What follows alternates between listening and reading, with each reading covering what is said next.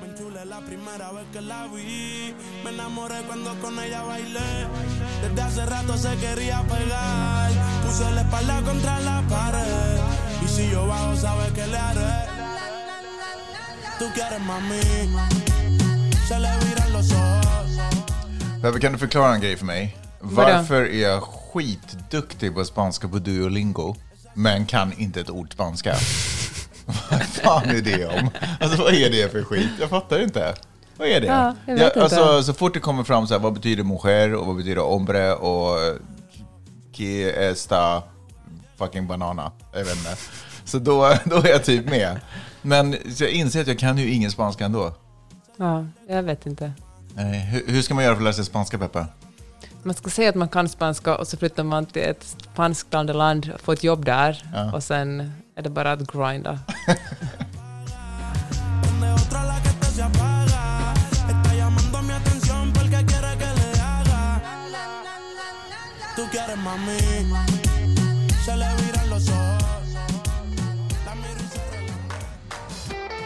Du lyssnar på Magnus och Peppes podcast.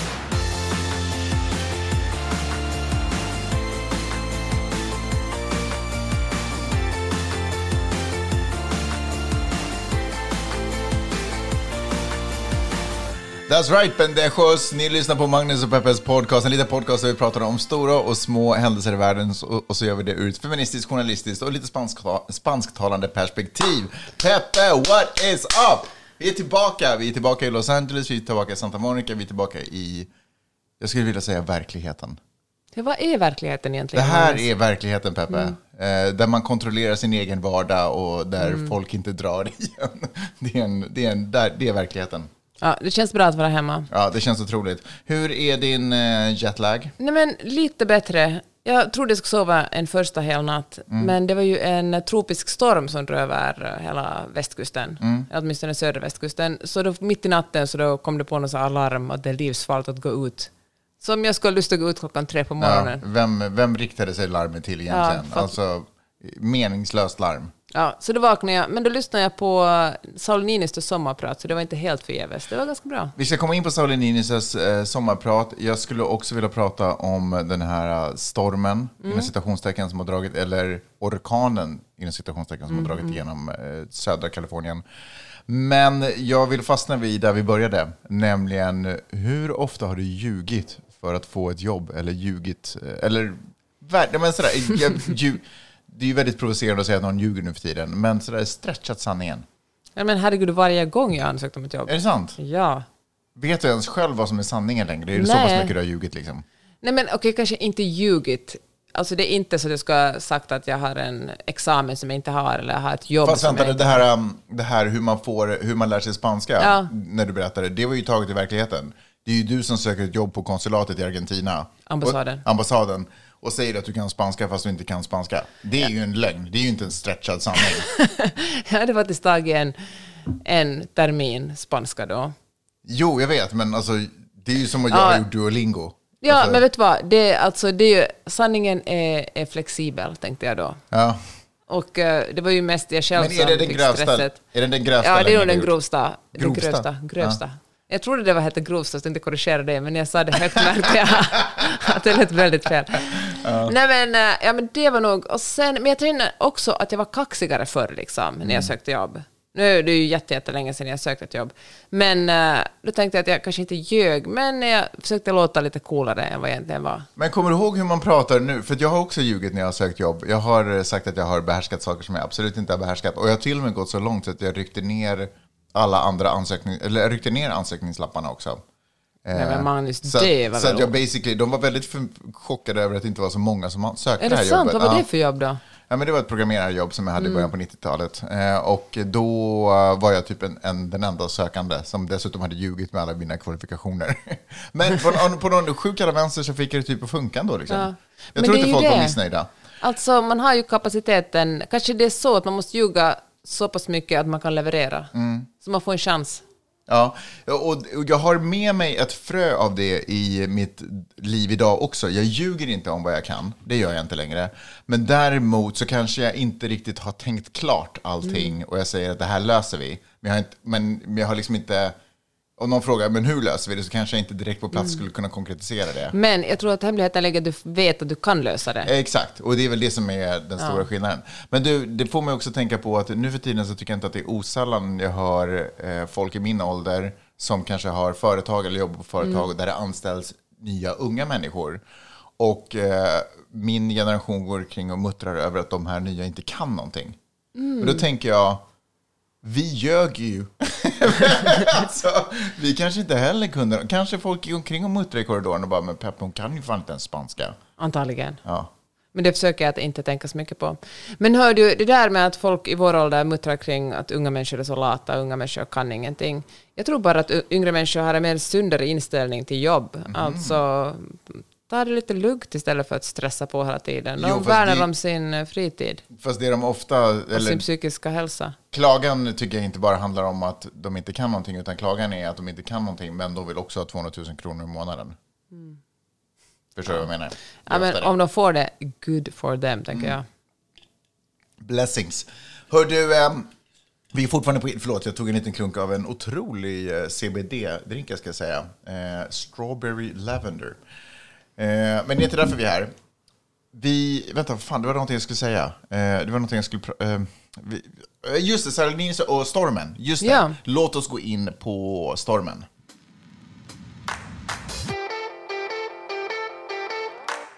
Jag vet inte hur stor nyhet det här har varit i Sverige och hur mycket den har spridit sig utanför egentligen Kaliforniens gränser. Men här så har ju nyhetskanalerna gått i spagat. Äntligen har de haft någonting att prata om. Det rör sig om en orkan som bildades utanför Sydamerikas västkust Eller Centralamerika. som fick namnet Hillary. Och eh, är det, för, det funkar väl så att det är H, liksom, att, det, att det är bokstaven H och så måste man hitta på ett namn på H. Jaha, Och sen nästa gång Det är ingen I. aning om. Nästa Jaha. gång kommer det heta Ivana, typ eller något sånt. Ivanka. Ivanka kanske. Eh, nej men skitsamma. Eh, Och, och den, eh, den eh, förutspåddes dra in över södra Kalifornien, träffa Los Angeles mitt i plytet. Eh, och på, men an efter, och det har ju rapporterats stort, alltså du vet, folk, det, man har sett folk fylla sand eh, påsar och sätta utanför sina, som de ska sätta utanför sina dörrar. Säckar, Eh, inte sådana ärtpåsar som man jonglerar med. Förlåt, ja, exakt. Vilket också skulle kunna hända. Mm. Eh, Men sandsäckar för att skydda mot liksom, översvämningar och det har förutspått både ditten och datten. Och folk har varit helt... Sen ju närmare man kom desto mer började det liksom tonas ner. Den, den degraderades från en orkan till en storm, eh, till en tropisk eh, storm. Men det gick ändå ut en stor varning. För första gången tror jag i Kaliforniens, eller södra Kaliforniens historia så har det gått ut en, en, en stormvarning. Eh, för det skulle vara vindbyar på... eh, det bör, alltså, ursprungligen var den ju på 70 miles per hour, vilket kanske, jag vet inte, jag höftar mellan tummen och pekfingret, kanske det motsvarar 80 kilometer i timmen. Nej, det låter inte rimligt, men Nej. skitsamma. Eh, och sen så har det degraderats till 50 miles per hour. Eh, och, men, och, och sen så träffar den oss. Igår hände det. Igår kom den. Och jag kan känna, direkt säga så här, att när jag åkte upp från Skåne till Stockholm och det regnade, så var det värre. Alltså mycket, mycket, mycket, mycket värre. Okej, men så här då. Alltså, den slog ju som värst ner i Palm Springs och nere i öknen. Och det var ju ett stort problem eftersom man ju verkligen inte är förberedd på att det ska regna jättemycket i öknen, så det finns inte möjlighet att ta emot så mycket vatten. Så där flöt ju bilar omkring. Det var ju jättejobbigt där. Här nere vid stranden regnade jättemycket. Ja, det var det. Men jag, fine att det kanske var en liten obskyr plats någonstans ute i öknen. Eh, där de där 17 personerna som bodde där och hade bestämt sig för att fira lite sommar såg sina bilar flyta omkring. Men jag har också en känsla av att man älskar att göra nyheter av mm, allt. Allt, alltså minsta lilla liksom. Jag tror att de alla bara, det var tårta, det var kaffe när de hörde att en orkan var på väg till eh, mot eh, södra Kalifornien. Och det gör att jag har så otroligt svårt att ta... Tycker du att det är dålig journalistik? Jag tycker det är otroligt dålig journalistik. Jag tror man, man urvattnar så mycket journalistiken i det journalistiska rapporterande. Så jag förstår, jag har ju bara varit här i då nu snart tio, eller över tio år, eller tio år. Eh, Och då kan man ju verkligen förstå folk som har levt hela sina liv. Jag menar, vi kommer hit och kritiserar, folk kan inte ta nyheter på allvar och folk kan läser inte ny... Men någonstans, det är ju inte supersvårt att förstå om man är uppvuxen i det här nyhetsklimatet. Jag förstår dig, men jag tänker också att allt är mycket, alltså allt är lite mer radikalt här. Alltså när det händer någonting så kan man verkligen bli slukad av en, en, ett, ett, en mudslide. Alltså, och eh, så det kan, jag förstår, alltså, men jag tänker också, Potentiellt sett så Ja. hade det kunnat gått värre. Ja. Ska vi istället för att klaga på nyheterna tacka vår lyckliga stjärna att det inte blev värre? kanske det är så att man höll Mm. sig hemma mer. Och eh, sen kom det en jordbävning mitt på den dagen också. Ja, just det. Det var ju extra spännande. Just då, jordbävningar får ju en verkligen att förstå hur liten och obetydlig man är på den här jorden. Eh, och det är klart att människorna har stor påverkan på miljö och sådana saker, men det är väldigt tydligt när jorden skakar om att, alltså du vet, när som helst kan den bara, ni kan dra, säger den. Och så bara skakar den loss alltihopa och så försvinner man. Just i det här ögonblicket, det här är ju inte första jordbävningen. Och jag är inte superrädd och nojig för jordbävningar, så det kanske jag borde vara, jag kanske borde vara mer rädd. Men just i det här ögon- ögonblicket så satt jag på toaletten när huset bestämmer sig för att hoppa en centimeter till höger, kändes det som. Och då instinktivt kände jag eh, att här vill jag ju inte sitta när de hittar mig. Alltså jag vill inte sitta med Du vill byxor- vara den mumifierade personen i aska som sitter med byxorna vid anklarna. men precis, nej, men så här, hur taket och alltihopa rasar ner, jag sitter fastklämd, har inte lyckats få upp byxorna, har inte torkat mig. Alltså, så jag, jag fick väldigt bråttom ut. Men hade du bajsat färdigt då? Ja, men jo, alltså det var färdigbajsat då, kan man säga. Det var nästan som att jord, du vet ibland när man sitter på toaletten och ni bankar på dörren och man bara åh, typ det finns en toalett till. Men nu var det typ jorden som bankade på dörren. Bara, hallå, är du färdig? Man bara, japp, jag är klar! Japp, jajamän! Jag kan torka resten utanför, det är bara att gå in, japp, det är ledigt. Ja, det var spännande. Hör du, eh, ska vi eh, kolla vad som hänt i veckan? Ja. Eller det har vi kanske redan påbörjat. Kanske.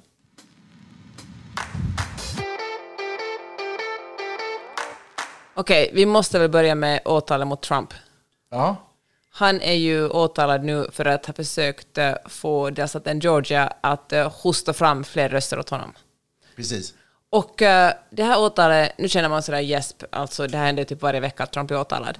Men det här åtalet skiljer sig på några sätt. Men det här är väl det stora muskedunder-åtalet Det här är nu? Det här är muskedunder-åtalet. liksom prisoner eller inte prison. Det här är the big one. Det här är the big one. Det här är den stora. Det här är fem- 5,4.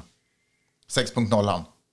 Alltså Richterskalan. Ja, men och herregud Magnus, den, det ju en femma om Ja. du talar om jordbävningar. Ja. Alltså det här är ju, det är ju åtta, nio. Det här är, åtta, det här är Trumps 8 och 9. Ja. Han har ju precis tackat ja till en, eh, eller tackat ja, han har be, äh, gått med på att betala borgen på 200 000 dollar. Det kändes billigt ändå. 2 miljoner kronor. Hur som helst, det får man ingenting för i Stockholms innerstad. det är sant.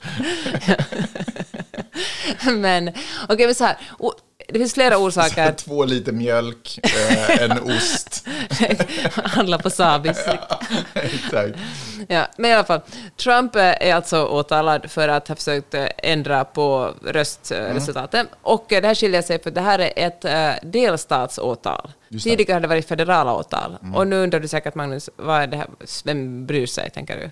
Men det som man bryr sig för att han inte kan benåda sig själv i det här. Jaha. Alltså, Men han om- kan benåda sig på själva, på federala...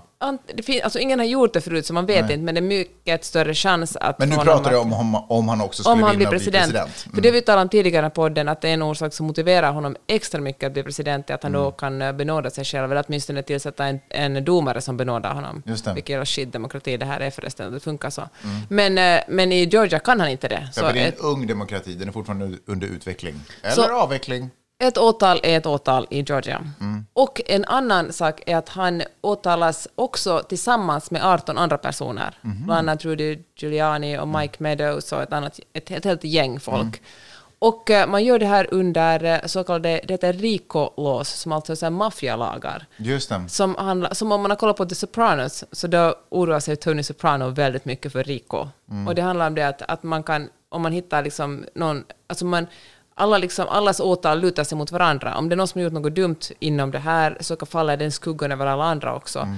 Så att det är mycket större, alltså får man bevis på någon annan, på Rudy Giuliani, så kommer det att, den skuggan att falla över Donald Trump också. Just det. Så det här är ju inte bra. Och faktiskt idag, samtidigt som det kom det här att han, hans eh, bail är 200 000 Mm. dollar, då blev han också varnad för att försöka hota eller påverka de andra inom åtalet, för det vill han ju såklart göra. Mm. Och eh, för det, och för det första, det är ganska dyrt med att uh, ställas inför rätta i USA, men Trump har ju löst det genom att samla in en massa pengar för sin valkampanj.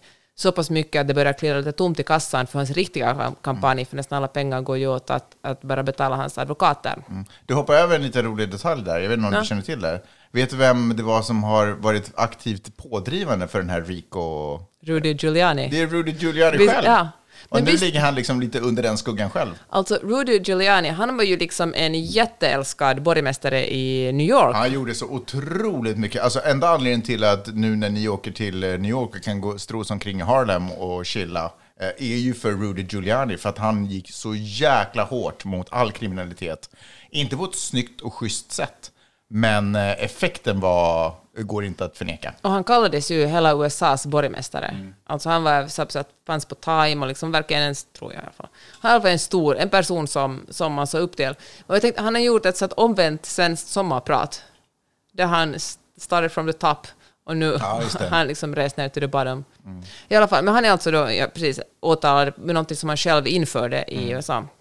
Och, eh, och, men som sagt, då liksom, alltså Trump klarar sig. Alltså det är dyrt, han är ju inte glad för att alla hans pengar, och alla hans, de pengar som han har samlat in för sin kampanj går nu till och hans, advokat, precis, men som går till exakt, ja. advokater istället.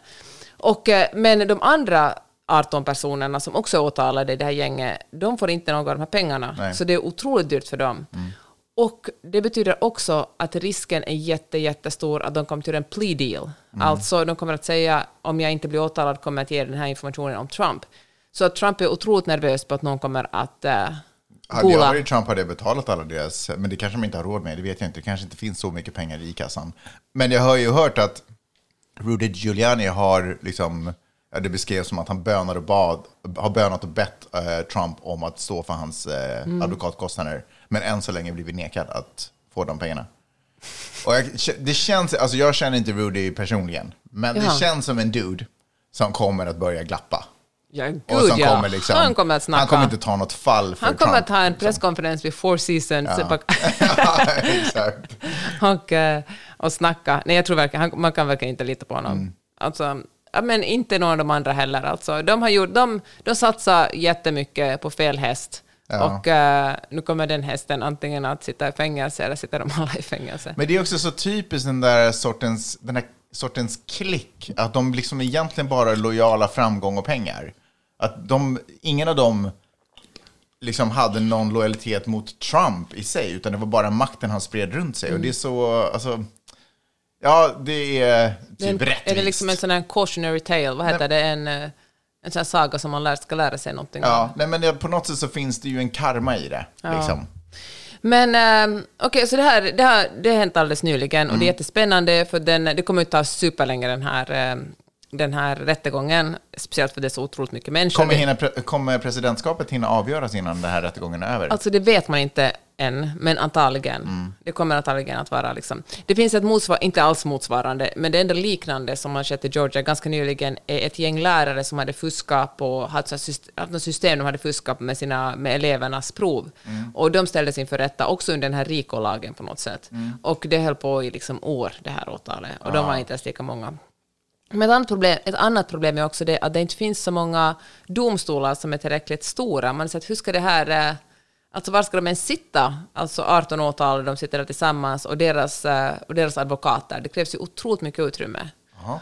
Och det kommer också att sändas live. Vadå, det finns inte, det finns inte sittplatser i en vanlig domstol för typ så här 20-30 pers? Nej men alltså bara sig själv, de är ju 19 personer som bara är åtalade. Och så får du tänka dig att de också har säkert två eller tre advokater med sig där. Det blir ju ändå en stor, plus att de ska ha domare och publik och vakter och liksom, det är ju det är ju inte så att det är bara de som sitter där. Nej, jag fattar. Så man, man letar efter en bra venue, så Ja, att säga, jag förstår. Så om ni känner någon där ute som känner någon som har en större lokal. i Georgia. Atlanta-trakten. Ja. Ja, så hör av er. men eh, i alla fall, så Det det, vore är... ju synd om åtalet lades ner för att de inte hittade en lokal. Exakt, jag chippa in allihopa nu. Ja, men det kommer ju att bli superspännande. Också, det kommer också att visas på TV. Jaha. Direktsändning. och när det senaste gjorde, vet du, när, vet du vilka man kan jämföra med? Alltså, Eh, är det Depp och Hearst? Eller vad heter ja, han? det är på men jag tänker alltså O.J. Simpson. Mm. Och då tänker många, många så här, kommer det här, alltså för att O.J. Simpson fick ju väldigt många sympatier på Ja. sin sida i rätten. Men kommer Trump att få sympatier eller kan folk bara tröttna otroligt mycket på honom? Mm, vi får se. Vi bara, vi står här spekulerar.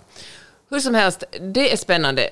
Och det som, som lite anknyter till det här är att eh, på onsdagen, vi spelar in det här på måndagen, på onsdagen så då är det Republikanernas första eh, debatt, när Okej. kandidaterna ställer upp i debatt. Trump har sagt att han inte kommer att delta, och man fattar det. Han, är liksom, han leder enormt mycket, det finns liksom ingen orsak på honom. Han behöver liksom inte Nej, sänka sig. sig. eller bevisa sig till deras... Eller, eller få Eller liksom bort sig. obekväma frågor Ja. av de andra. Så att han, han tackar nej. Och eh, den som vinner den här, eh, den här debatten, eller utses som vinnare, liksom, så kommer ju alltså såklart att, att hoppas att, att kommer att knappa in lite på, på Trump. Ja, Men det kommer att ske i typ tre timmar, för Ja. att på torsdag och fredag så då ska Trump infinna sig i, eh, alltså då ska man ta en sån mugshot på honom. Då ska han ge sina Mm. fingeravtryck och mugshot. Och ja, det kommer att finnas en mugshot på USAs förra president. Fattar så sjukt. Ja, men det Torsdag finns, det finns verkligen mugshots på jättemånga människor här Ja. i USA, så det är kanske inte en, det är ingenting som kommer väga över honom, tror jag inte. Det kom, nej, alltså hans kärngäng älskar ju honom bara mera. Alltså Ja. det här gynnar ju egentligen bara honom.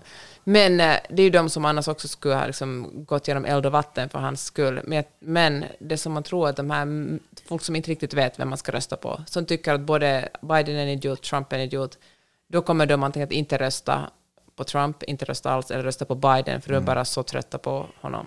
Men hörru du, rätta mig om jag har fel, men alltså eh, Trump hade ju jättemycket, han fick ju jättemycket reklam och uppmärksamhet och kärlek från Fox förra varvet.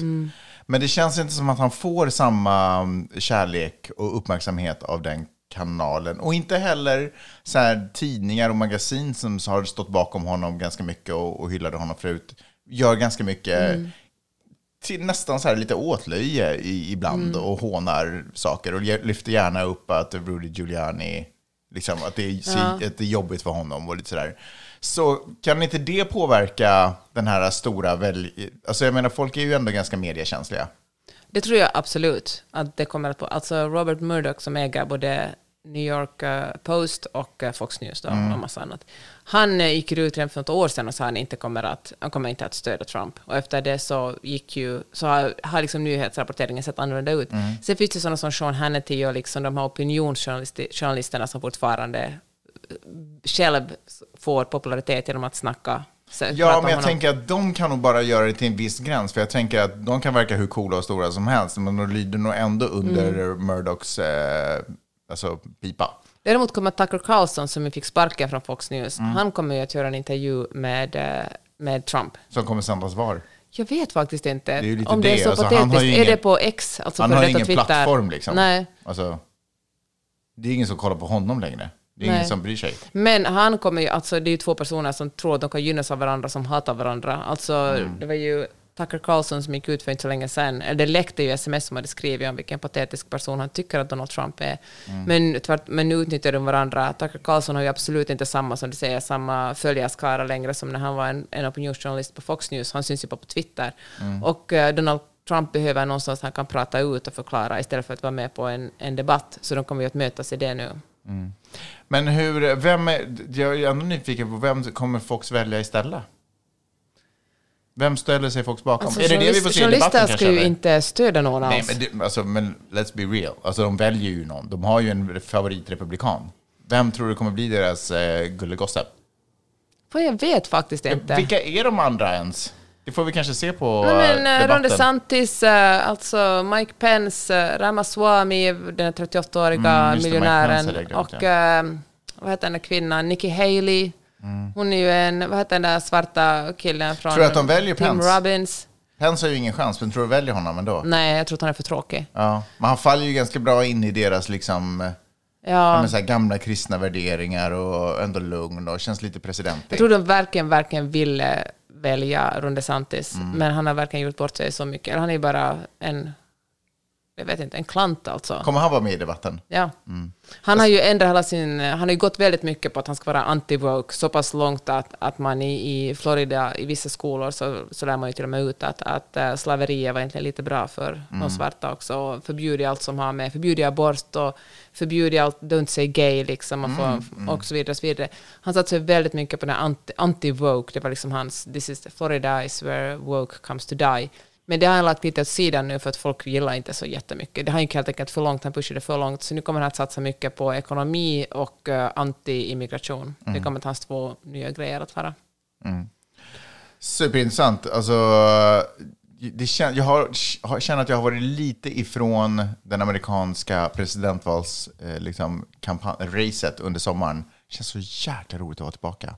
Debatterna börjar rada upp sig. Ja, nu börjar jag har det. köpt popcorn. Alltså, jag är redo att bara sitta och mysa till de här... eh, bara se demok- eller republikanerna. Demokraterna skiter jag nästan lite i. borde det här. ta lite om Hunter Biden också, för att han är ju nu sabbar ju ganska mycket för Demokraterna. Ja. Han, han är ju uppe i rätten igen. Jag vet, men jag, jag är ganska... Alltså, Du är inte så intresserad av det. Nej, för alltså, vem som vinner det här valet, det är lite Det skit. har ju jättestor skillnad om det blir Trump eller... Alltså men blir det en annan så- republikan är det ju en sak. En annan republikan eller Ja. Joe Biden, men någon som aktivt försöker förstöra demokratin, det har ju verkligen en stor betydelse. Det är ju förstås inte bra. Inte kanske personligen för dig. Kanske min ribba har sänkts lite för mycket, men det jag på något sätt ändå ser fram till, det är att få liksom vältra mig i republikanernas sådär, pajkastande mot Mm. varandra.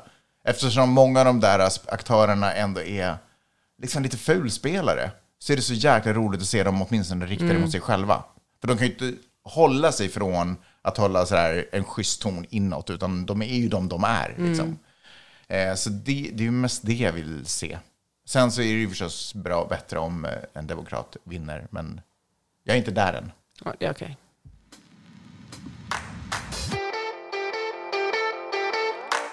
Vill du snacka Hunter Biden eller vill du snacka Sauli Niinistö? Vet du vad, vi tar Hunter Biden, ett annat avsnitt. Det känns som det blir jättelångt nu om olika Mm.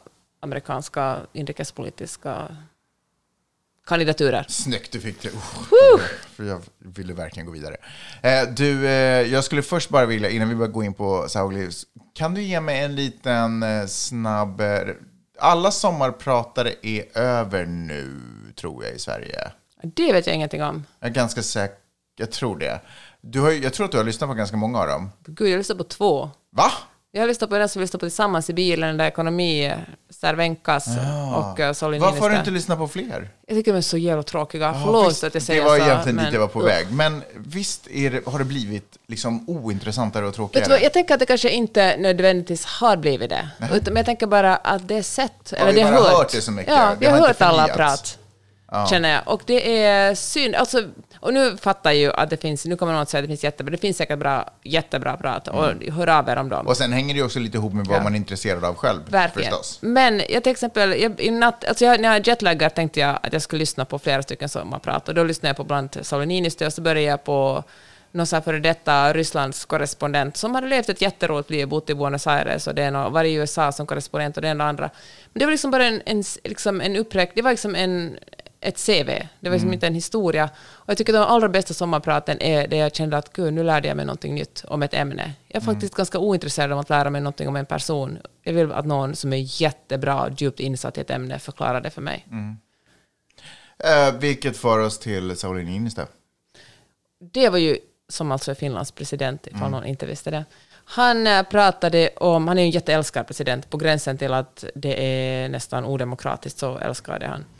Får, får jag bara säga en sak? Är det inte, alltså, en president ställer upp som sommarpratare, en, en sittande president ställer upp som sommarpratare i ett program på P, alltså på P, alltså jag vet inte. Nej, vet du vad, jag tycker det var ganska bra. Jag tycker det verkar vara bra PR för Finland också, för att han var så otroligt sympatisk. För det första är han, eh, han är ju president, han har suttit två, han har suttit snart två, 12 år. Alltså man är ju sex år i Finland och det är presidentval på våren, så han, hans, eh, hans era är snart över där, så jag tycker det var helt fine. Och eh, så tycker jag det har hänt så mycket intressant mellan, inte bara mellan Finland och Sverige, men mellan Finland och Sverige och världen. Alltså jag menar NATO till exempel var jätteintressant. Och eh, han, eh, ja men det var bra PR för Finland. För det första pratade han svenska, vilket inte alls är en självklarhet. Alltså inte super, super bra svenska, men han talade, alltså det var riktigt bra svenska. Och så berättade han om eh, vad han tyckte när han var ung. Han är liksom född någon gång, vad vet jag, slutet av 40-talet, början på 50-talet. Typ i våra föräldrars ålder är han väl. Och eh, han har jättemycket yngre fru. Jag tror att han, jag undrar hans första fru dog. Och nu kanske jag har fel, det här borde jag kolla upp. Men jag undrar om hon dog under tsunamin. Han var i alla fall med där under, i Thailand liksom när tsunamin kom. Och eh, han började supersmart med att säga att han var, på, han var i Stockholm, träffade Stefan Löfven han, och, och Saulinus fru Jenny är poet. Och så började de tala poesi och plötsligt så citerar Stefan Löfven någon favoritpoet, alltså Jennys, hennes frus favoritpoet. Så, och, eh, och då är Saulinus det otroligt fint. Otroligt fint. Alltså, så han börjar med att ge Sverige en jättefin komplimang. Och så pratar han om hur Finland alltid har sett, eller länge såg Sverige som en slags storebror. Allt var bättre i Finland, allt var, i Sverige. Allt var större, Sverige var rikare och liksom, eh, det var som att komma nästan till New York när man kom till, till Stockholm. Stockholm. Stockholm. Men så hände någonting när Sverige, det var inte bara en sak, men när Sverige inte gick med i det här ekonomiska eller finansiella samarbetet i EU. Och uh, Sauli Niinistö som finansminister var den som fick vara inne på mötena med de andra finansministrarna, som, medan Sverige måste vänta utanför, för de var ju med i EU, men de var inte med i det, liksom, det här ekonomiska samarbetet. Och då kom Sauli Niinistö ut och sen briefade han liksom Sveriges finansminister om vad som hände där, för att han var schysst. Och han kände, då kände, skedde det liksom en liten skiftning. Just det. Och, eh, men så pratade han också om hur det var att gå med i NATO, hur han trodde det var självklart att liksom Finland och Sverige skulle gå med i NATO tillsammans, men att det inte blev så. Han talade om hur han, han, hur han kommunicerar med Putin. Hon en gång har spelat en, en ishockeymatch med Putin, för Putin älskar tydligen ishockey. Och hur man kommunicerar på en viss... Att man säger, man säger liksom inte ni ska fucking hålla fingrarna borta från Karelen, utan man säger det på ett väldigt eh, diplomatiskt sätt. Men hur eh, det ändå är väldigt tydligt att man har ett visst budskap mot ett annat land. Man kanske säger det, i Finland har alltid presidenten ett så här första, första dagen på det nya året håller presidenten ett tal. Och det är liksom väldigt viktigt, det som, allt, allt som sägs där är väldigt viktigt. Och då pa- passar han på att, att också signalera utåt vissa saker, hur han formulerar sig. Alltså Sauli gör det? Ja, eller det har alla presidenter gjort. Ja, ja, mm. Superintressant alltså. Men du sa att det var bra PR för Finland, på vilket sätt då? Ja, för att uh, Sauli Niinistö börjar med att ge Sverige, alltså i Sverige genom att- börjar med att ge Sverige liksom lite komplimanger, tala svenska, förklara hur vänligt sinnad Finland är mot Sverige och hur duktiga jag tycker Sverige är. Men det var väldigt tydligt också att uh, vet du, the, table, the table has turned. Jaha. Alltså, det är ni som är lillebrorsan nu medan vi är storebrorsan. Men är det verkligen så då? Magnus, tyvärr är det faktiskt så. Ja. Alltså eh, ekonomiskt och politiskt, eller vad Ja. menar du? För att det gemene svensk går ju ändå omkring med ett otroligt självförtroende. Ja, men det är på väg ner nu. Kolla okej. på inflationen. Ja, jo, absolut. Eh, Så det är, ett, det är ett sommarprat du skulle kunna rekommendera? Ja, men jag tycker verkligen det var bra. Och jag tror också det ska, det, alltså jag tror att om man är det minsta lilla intresserad av politik, vilket man borde vara om man är en röstande människa, så det är bra att lyssna på någon som pratar om det. Så man får en, alltså det är ändå coolt att höra någon som pratar med, har liksom träffat Putin flera gånger och liksom, ja, som har varit i smeten länge. Alltså verkligen speciellt nu i den här tiden Mm. med Finland som har Ryssland. Det- Vi har, Sverige har väl i och för sig också Ryssland som granne. Nej, det är Norge och Finland bara som har. Ja, Mm. okej.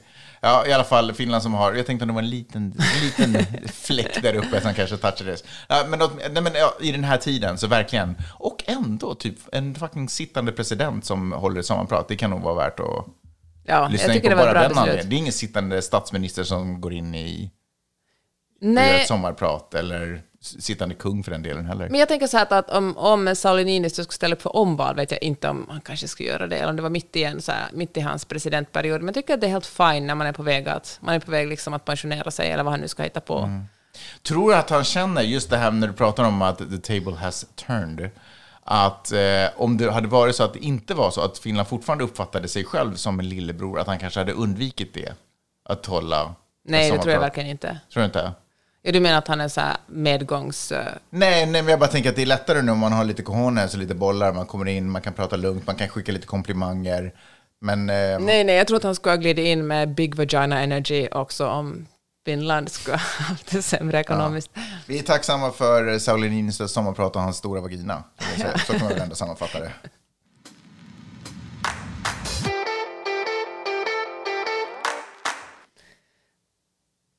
Va? Har du ingenting att säga? Nej. Okej, men ska jag fortsätta en stund då? Ja.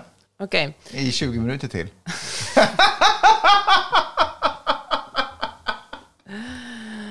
Dude, okej, men uh, okej, en sån här, en, en kortis bara. Det här finns bland annat i mitt nyhetsbrev från förra veckan som jag verkligen kan rekommendera. Det finns på peppe.sabstat.com. Men det här om hur otroligt vanligt det är att man köper saker och returnerar dem. Alltså folk köper, och nu tänker du så här, det är en massa tjejer som köper jättemycket klädesplagg, provar dem och så skickar man tillbaka allt som inte. Det är ju eh, hemskt för klimatet. Det är verkligen nästan ingenting som säljs eh, som, nästan ingenting av det säljs som nytt igen. Utan man bara, man sliter bara på klimatet. Men det är bara som att, ja men det, det är hemskt. Alltså Ja. om man insisterar på att köpa nyproducerat, skicka inte tillbaka kläderna då. Så ska man vara lite mer eh, noga med att kolla vilken storlek man har, inte vara så slentrian i att bara ta 20 olika versioner och sen välja den bästa. Ja. Men alltså, jag fattar, för det är ganska nytt det här att det finns, eh, alltså, att det finns eh, typ fem storlekar att välja mellan. Det är typ extra small, small, medium, large och extra, extra large. Och det är, ju, det är ju inte som om människokroppen skulle vara en form. Alltså, man är, ibland passar S på en, ibland passar inte S på en, eller L eller vad som helst. Alltså det, jag fattar att det är svårt. För liksom hundra år sedan funkar ju kläder så att man sydde upp dem enligt ens kroppsform. Det, att det massproduceras i industrier, liksom alla enligt en form. Det är ju inte så konstigt att kläder inte passar på en. Men det är ändå åt helvete för klimatet. Hur som helst, det är ju inte bara kvinnor som gör det här. Utan jag läste en artikel som finns alltså i nyhetsbrevet, men som handlar om hur folk köper, typ så här innan Super Bowl är det jättevanligt att man köper platt-tvn och sen returneras de Jaha, efter Super Bowl. matchen? Ja. Nej. Ja, alltså fläktar när det är jättevarmt så returneras de mot hösten. Alltså allt, och amerikanerna är tydligen bäst eller värst i världen på det här. Alltså, Fast då, eh, jaha okej, det förlåt. Ja, fortsätt. alltså man köper saker och, eh, och bara när man inte behöver det, man använder det och returnerar det. Och sen, eh, sen det är också klart kan man inte eh, returnera något som är trasigt, men ändå i, men, det har ju, men så pass, man returnerar det, men det går inte att sälja som nytt Nej. heller. Så det, Men, det, nej men precis, men alltså det där är ju i och för sig inget nytt. För jag har en minne av att min pappa satte tejp under mina finskor jag hade på studenten. Eh, för att inte sulorna skulle slita så att man kunde lämna tillbaka dojorna sen efter. Men på den tiden så tänker jag att då kanske det inte hamnar på ett skräpberg utan det typ lite hamnar tillbaka i butiken. Om det var säljbart skick. Kanske det var så på den tiden, men nu för tiden är det inte så. Fan, nu säger jag att den här texten jag la, som jag ska länka till i mitt nyhetsbrev, den enda som jag glömt på länken till. Ja, Så jag gör reklam för den. Men jag lägger in den nu, så den finns där om man går in dit. just det. Ja, nej men, eh, men det är ju så- alltså, men det är på något sätt så... Jag vet inte. Jag tycker att allt som har med så klimatet att göra, det är på något sätt så... Det var någon fotbollsspelare som hyrde en, en, så här, en jumbojet för att ensam flyga från typ Saudiarabien till fucking vet jag, London. För att han kan det. Och sen sitter folk själva och vet du, dricker lemonade ur pappers sugrör för att man vill spara på miljön. Det är på något sätt så alltid så oproportionerligt.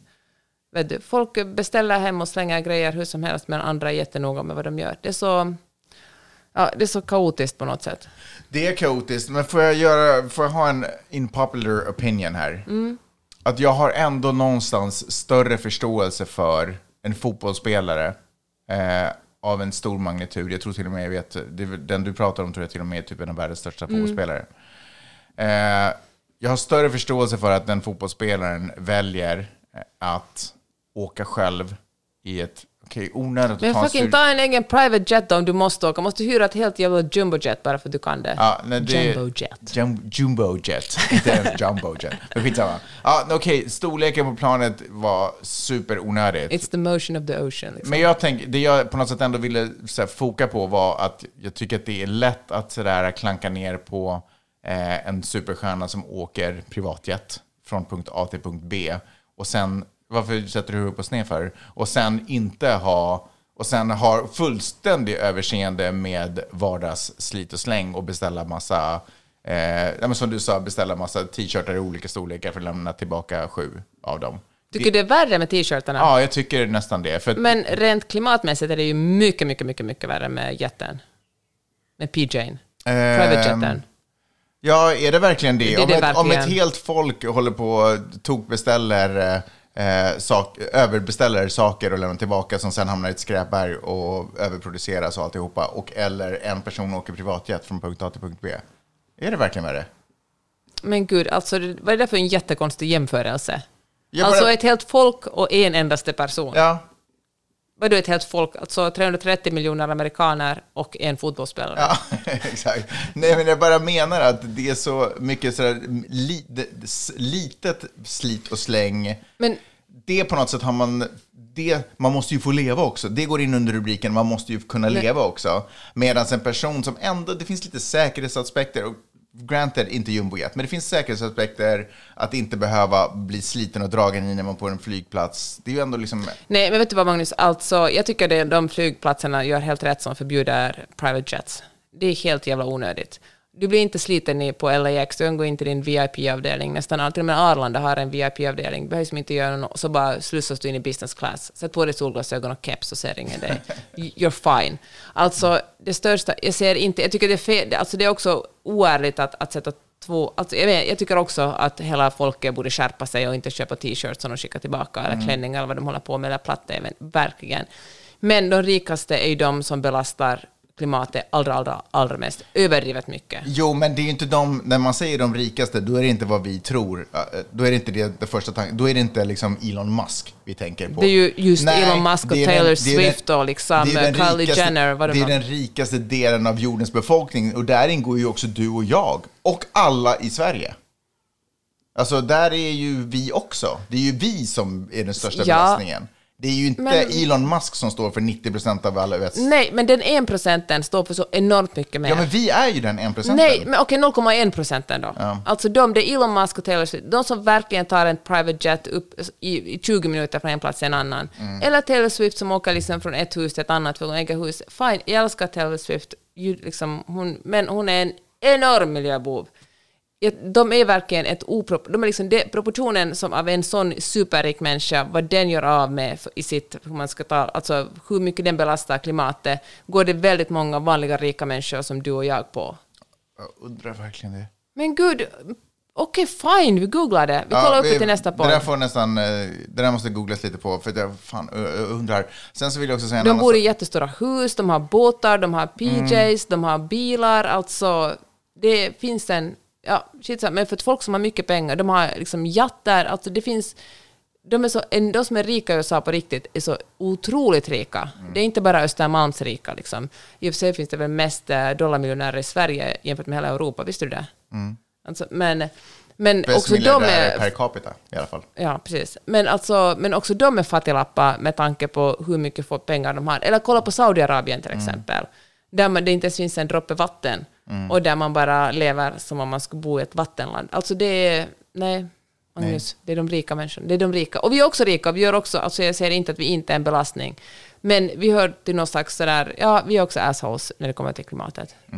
Sen så, alltså jag har ju väldigt stora förhoppningar på eh, att flyget kommer ekologiseras väldigt snart. Eh, och att det inte alls kommer vara en miljöbov längre. Men vi är ju inte där nu. Alltså jag fattar det. Eh, vi är inte där nu. Men ganska snart kommer vi vara det. Och då är det över en natt är det problemet löst. Men... Nej, det kommer inte gå över en natt. Hur länge tror du det tar? Nej, det bara- tar ju nej, nej, men- jättelänge nej, att men- byta ut hela flygplansflottan. Liksom. Nej men lyssna, jag bara säger, när det är gjort så är det, då är det det. Ja. Då är det Ja. klart. Men vårt köpbeteende har förmodligen inte förändrats. Nej. Förstår du vad jag menar? Så att jag tänker att också på lång sikt så är det beteendet, det vardags... eh, det här dumma vardags slit och slängbeteendet är egentligen kanske ett större problem än vad en privatjet är. Inte idag. För ett privatjet Ja. går också att lösa ganska snabbt om när det sen är väl är löst. Men det andra är ett beteendemönster. Förstår du vad jag menar? Ja. ja, jag förstår, men uh, mm, säger jag. Alltså, jag, jag alltså klädbranschen är ju sunkig och vidrig och hemsk. Köttbranschen, all, hela, alla de där industrierna. Men det är ju något som Flyget också... är ju inte 90 procent av alla vets... alltså kläder, känner så att kläder och kött, det skulle fan vem som... Alla kläder finns second hand. Det är så jävla lätt. Alltså om vi slutar eh, alltså, producera kläder nu, skulle det finnas kläder för liksom åtta år framåt för alla på hela jorden. Ja. Eller sluta äta kött. Så, Det var det lättaste. så behöver man inte transportera det Mm. härsan tvärsan och man behöver, de behöver inte fisa ut. Alltså, Det är, det är verkligen en så liten justering man kan göra. Och sen att säga, förlåt nu kommer jag bli sura här, men säga att mitt barn äter bara kött. Nej, vet du vad, det går jättebra att...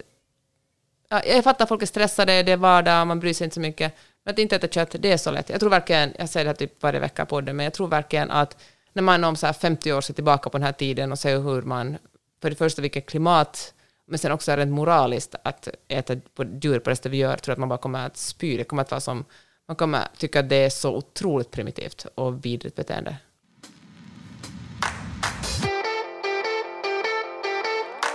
På tal om att flyga, jag har en sak som kanske får folk att flyga lite mindre. Jaha. New York Times ha- hade ett reportage om hur vanligt det är att det är otroligt nära att två flyg krockar med varandra. Jaha. Alltså de beskriver det som så här skin to skin, liksom. Och antingen uppe i luften eller liksom precis när man går liksom på På landningsbanan. taxing, ja. på, vad heter det? Taxing? Ja, Där, där de är där. Att eh, man tror liksom att det är så där, nej det händer aldrig, men det är verkligen hö, nära. Ganska Jag- ofta. Jag ska tala om för dig att en av mina roligaste upplevelser, som jag ändå, jag måste nog säga att jag var ganska bra på det faktiskt. Jag, jag, jag hade ju ett jobb en gång i tiden där, som gick ut på att jag testade en massa jobb. Eh, och en av de jobben som jag fick testa på var flygtornsledare. Ja, just det, det kommer jag ihåg. Ja. Eh, och basically så sitter man framför en radarskärm, man ser alla flygplanen, man tar kontakt med flygplanet, man säger vad det flygplanet måste göra. Eh, och så, man guidar alla flygen in på landningsbanan helt enkelt. Du åker dit, du riktar dig söder, så många grader, så åker du så länge och bla bla. Det var otroligt, men det är ju verkligen ett schackspel att få alla flygen att, få, att passa in. Och vet du vad, det är just det det handlar om. Alltså, nu kanske jag säger fel, men jag tror att det var så där Ronald Reagan Mm. som gav sparken åt jättemånga så här flyg, vad heter det, flygtornsledare, Ja, flygledare, Ja, flygtornsledare. Flygledare kanske, ja. Flygledare, för de strejkade, de ville ha högre lön, då strejkade Ronald Reagan var bara sådär, Då kan ni dra. ni kan dra då. Så det, och, och det, här, det här är liksom 50 år sedan, men det har liksom inte återhämtat sig Mm. Jaha. ännu. Så det finns alldeles för få folk, det finns för få människor som jobbar. Så det är egentligen ett mänskligt, jag tänker att AI måste kanske kunna lösa det här ganska snart. Men just Mm. ja, nu är det helt enkelt en personalbrist som... Och jag kommer ihåg, jag tror vi talade om det här med någon som faktiskt flyger PJ, som Mm. sa att det är ganska vanligt att det inte sitter någon alls där och guidar en i tornet när man landar. Jaha. Men det var Corey som berättade för Eller så har de bara inte tid med privatjättar. Ja. De är så små, de får lösa sig själva. Men jag kan bara säga att det var ett, det var ett otroligt jävla jobb. Eh, Det är ju Alltså roligt då? Ja, jätteroligt. Eh, s- Alltså, Och inte läskigt också, där kan man guida fel någon och så blir det en krock. man måste ju verkligen koncentrera sig och fokusera och hålla planen på olika höjd. Men just att få det här, skapa det här pärlbandet av flyg som bara kommer in. Det Mm. känns som ett spel som Ja. jag hade på min telefon när jag var gravid med Vidde. Ja, faktiskt, exakt.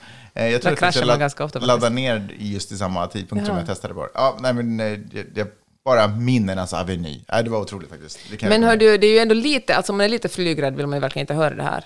För att eh, man tänker ju alltid, man känner sig ju ganska, jag känner mig alltid så här ganska säker. Det, Mm. är som, det är som lite grönan, man bara, det här känns väldigt läskigt, hela min kropp säger att jag inte ska göra det här, men jag vet att Mm. Jo, det är säkert. Fast där och måste, sen, Jag fattar. Men där måste jag säga att, jag tror att det var därifrån jag fick tanken, att eftersom jag har testat på det här jobbet, så förstår jag att det är, men det betyder inte att det är nära en olycka.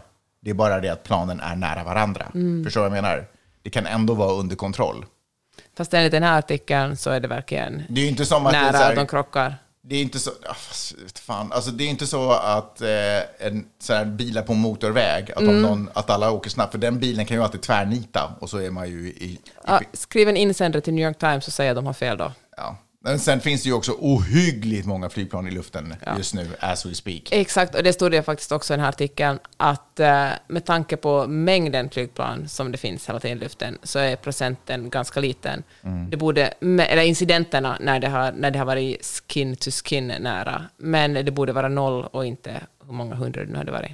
Vet du vad vårt, eh, inom citationstecken, examensarbete var för det där jobbet? Nej, vadå? Det var att vi hade åtta stycken, eh, vad heter det, alltså, jag vet inte, F16, ja, men så här fighter jets Ja. i luften. Och det gällde att få ner dem snabbast, allihopa. Just det, det är ju alltid en tävling på slutet, du och Petski. Ja, så man skulle få ner dem så snabbt som möjligt. Ja, men alltså, det var också det vad de gjorde. Alltså, det Ja. var en grej som de hade, Jaha, att, sådär, ja. att man skulle få ner dem så snabbt som möjligt. Så man måste bara ta dem i tur och ordning, bara, bam, bam, bam, bam, bam, bam, bam, så att man får... Så att de liksom, och de var, de var placerade så eh, att det var fyra på varje sida om landningsbanan. Så man, man Ja. kunde liksom inte skapa ett Nej, ett tog man någon turvis då, eller? Ja, alltså man måste få dem att gå omelett Ja. liksom. Så ja, det var roligt. Hörni, eh, kul. Ja, men det är allt jag, jag hade att komma för den här Peppe, veckan. det var allt du hade att komma med den här veckan. Vet du vad? Att den här podden startade ju faktiskt under namnet Vad har Peppe lärt sig under veckan som gått? Och nu har vi, nu är cirkeln sluten. Och nu är cirkeln sluten, så uh, grattis till alla. Skulle jag, också. jag skulle också vilja passa på att säga, för det var ju en grej som du tog upp där, eller när du tog upp det här med kläderna. Det var ju en grej som jag redan hade läst i ditt nyhetsbrev. Eh, och det kan jag verkligen rekommendera. Alltså gå, gå in och prenumerera på Peppes nyhetsbrev på peppe, peppe.substack.com eh, och eh, bara känn hur lyckligt lottade ni är att ni har en så otrolig människa som Peppe som redan har kurerat allt innehåll åt er. Eh, och hon har bara kollat, hon har faktacheckat alltihopa. Så allting ni behöver veta om omvärlden och saker, saker som ni kanske inte ens visste pågick just nu får ni reda på i det, här, i det där nyhetsbrevet. Så kan ni styla för era polare. Då behöver ni inte ens ge cred till Peppe, utan ni bara vet den där saken. Sen om ni har någon kompis eller liknande så kan ni säga så här, jag, vet, jag har fått höra det här från peppe.substack.com. Och så kan ni bara, du kan också gå in och prenumerera. Och vill ni också ge ännu mer kudos för Peppes hårda arbete, för jag kan ju ändå säga att du sitter ganska många timmar och håller på med det här varje flipping-vecka. Mm. Så då kan man betala en prenumerationsavgift på eh, fem dollar i månaden. Dollar i månaden, knappt 50 kronor, eller nu är det väl drygt 50 kronor i och för sig. Mm. Eh, så det är ju tråkigt för er förstås. Men, eh, och då tänker ni så här, ja, då har jag åtminstone gjort rätt för mig. Nej, då ger Peppe er mer. Då får ni ännu mer eh, innehåll. Eh, som ni kommer vara behjälpta och ha nytta av. Så fucking grattis till er. Kul för er att ni har Peppe i era öron ungefär varje vecka. Och eh, jag är bara med som en blind tarm och försöker dra mitt strå till stacken. Hörni, vi hörs eh, snart igen. Tack för att ni lyssnade. Ha det bra! Hej då! Hej!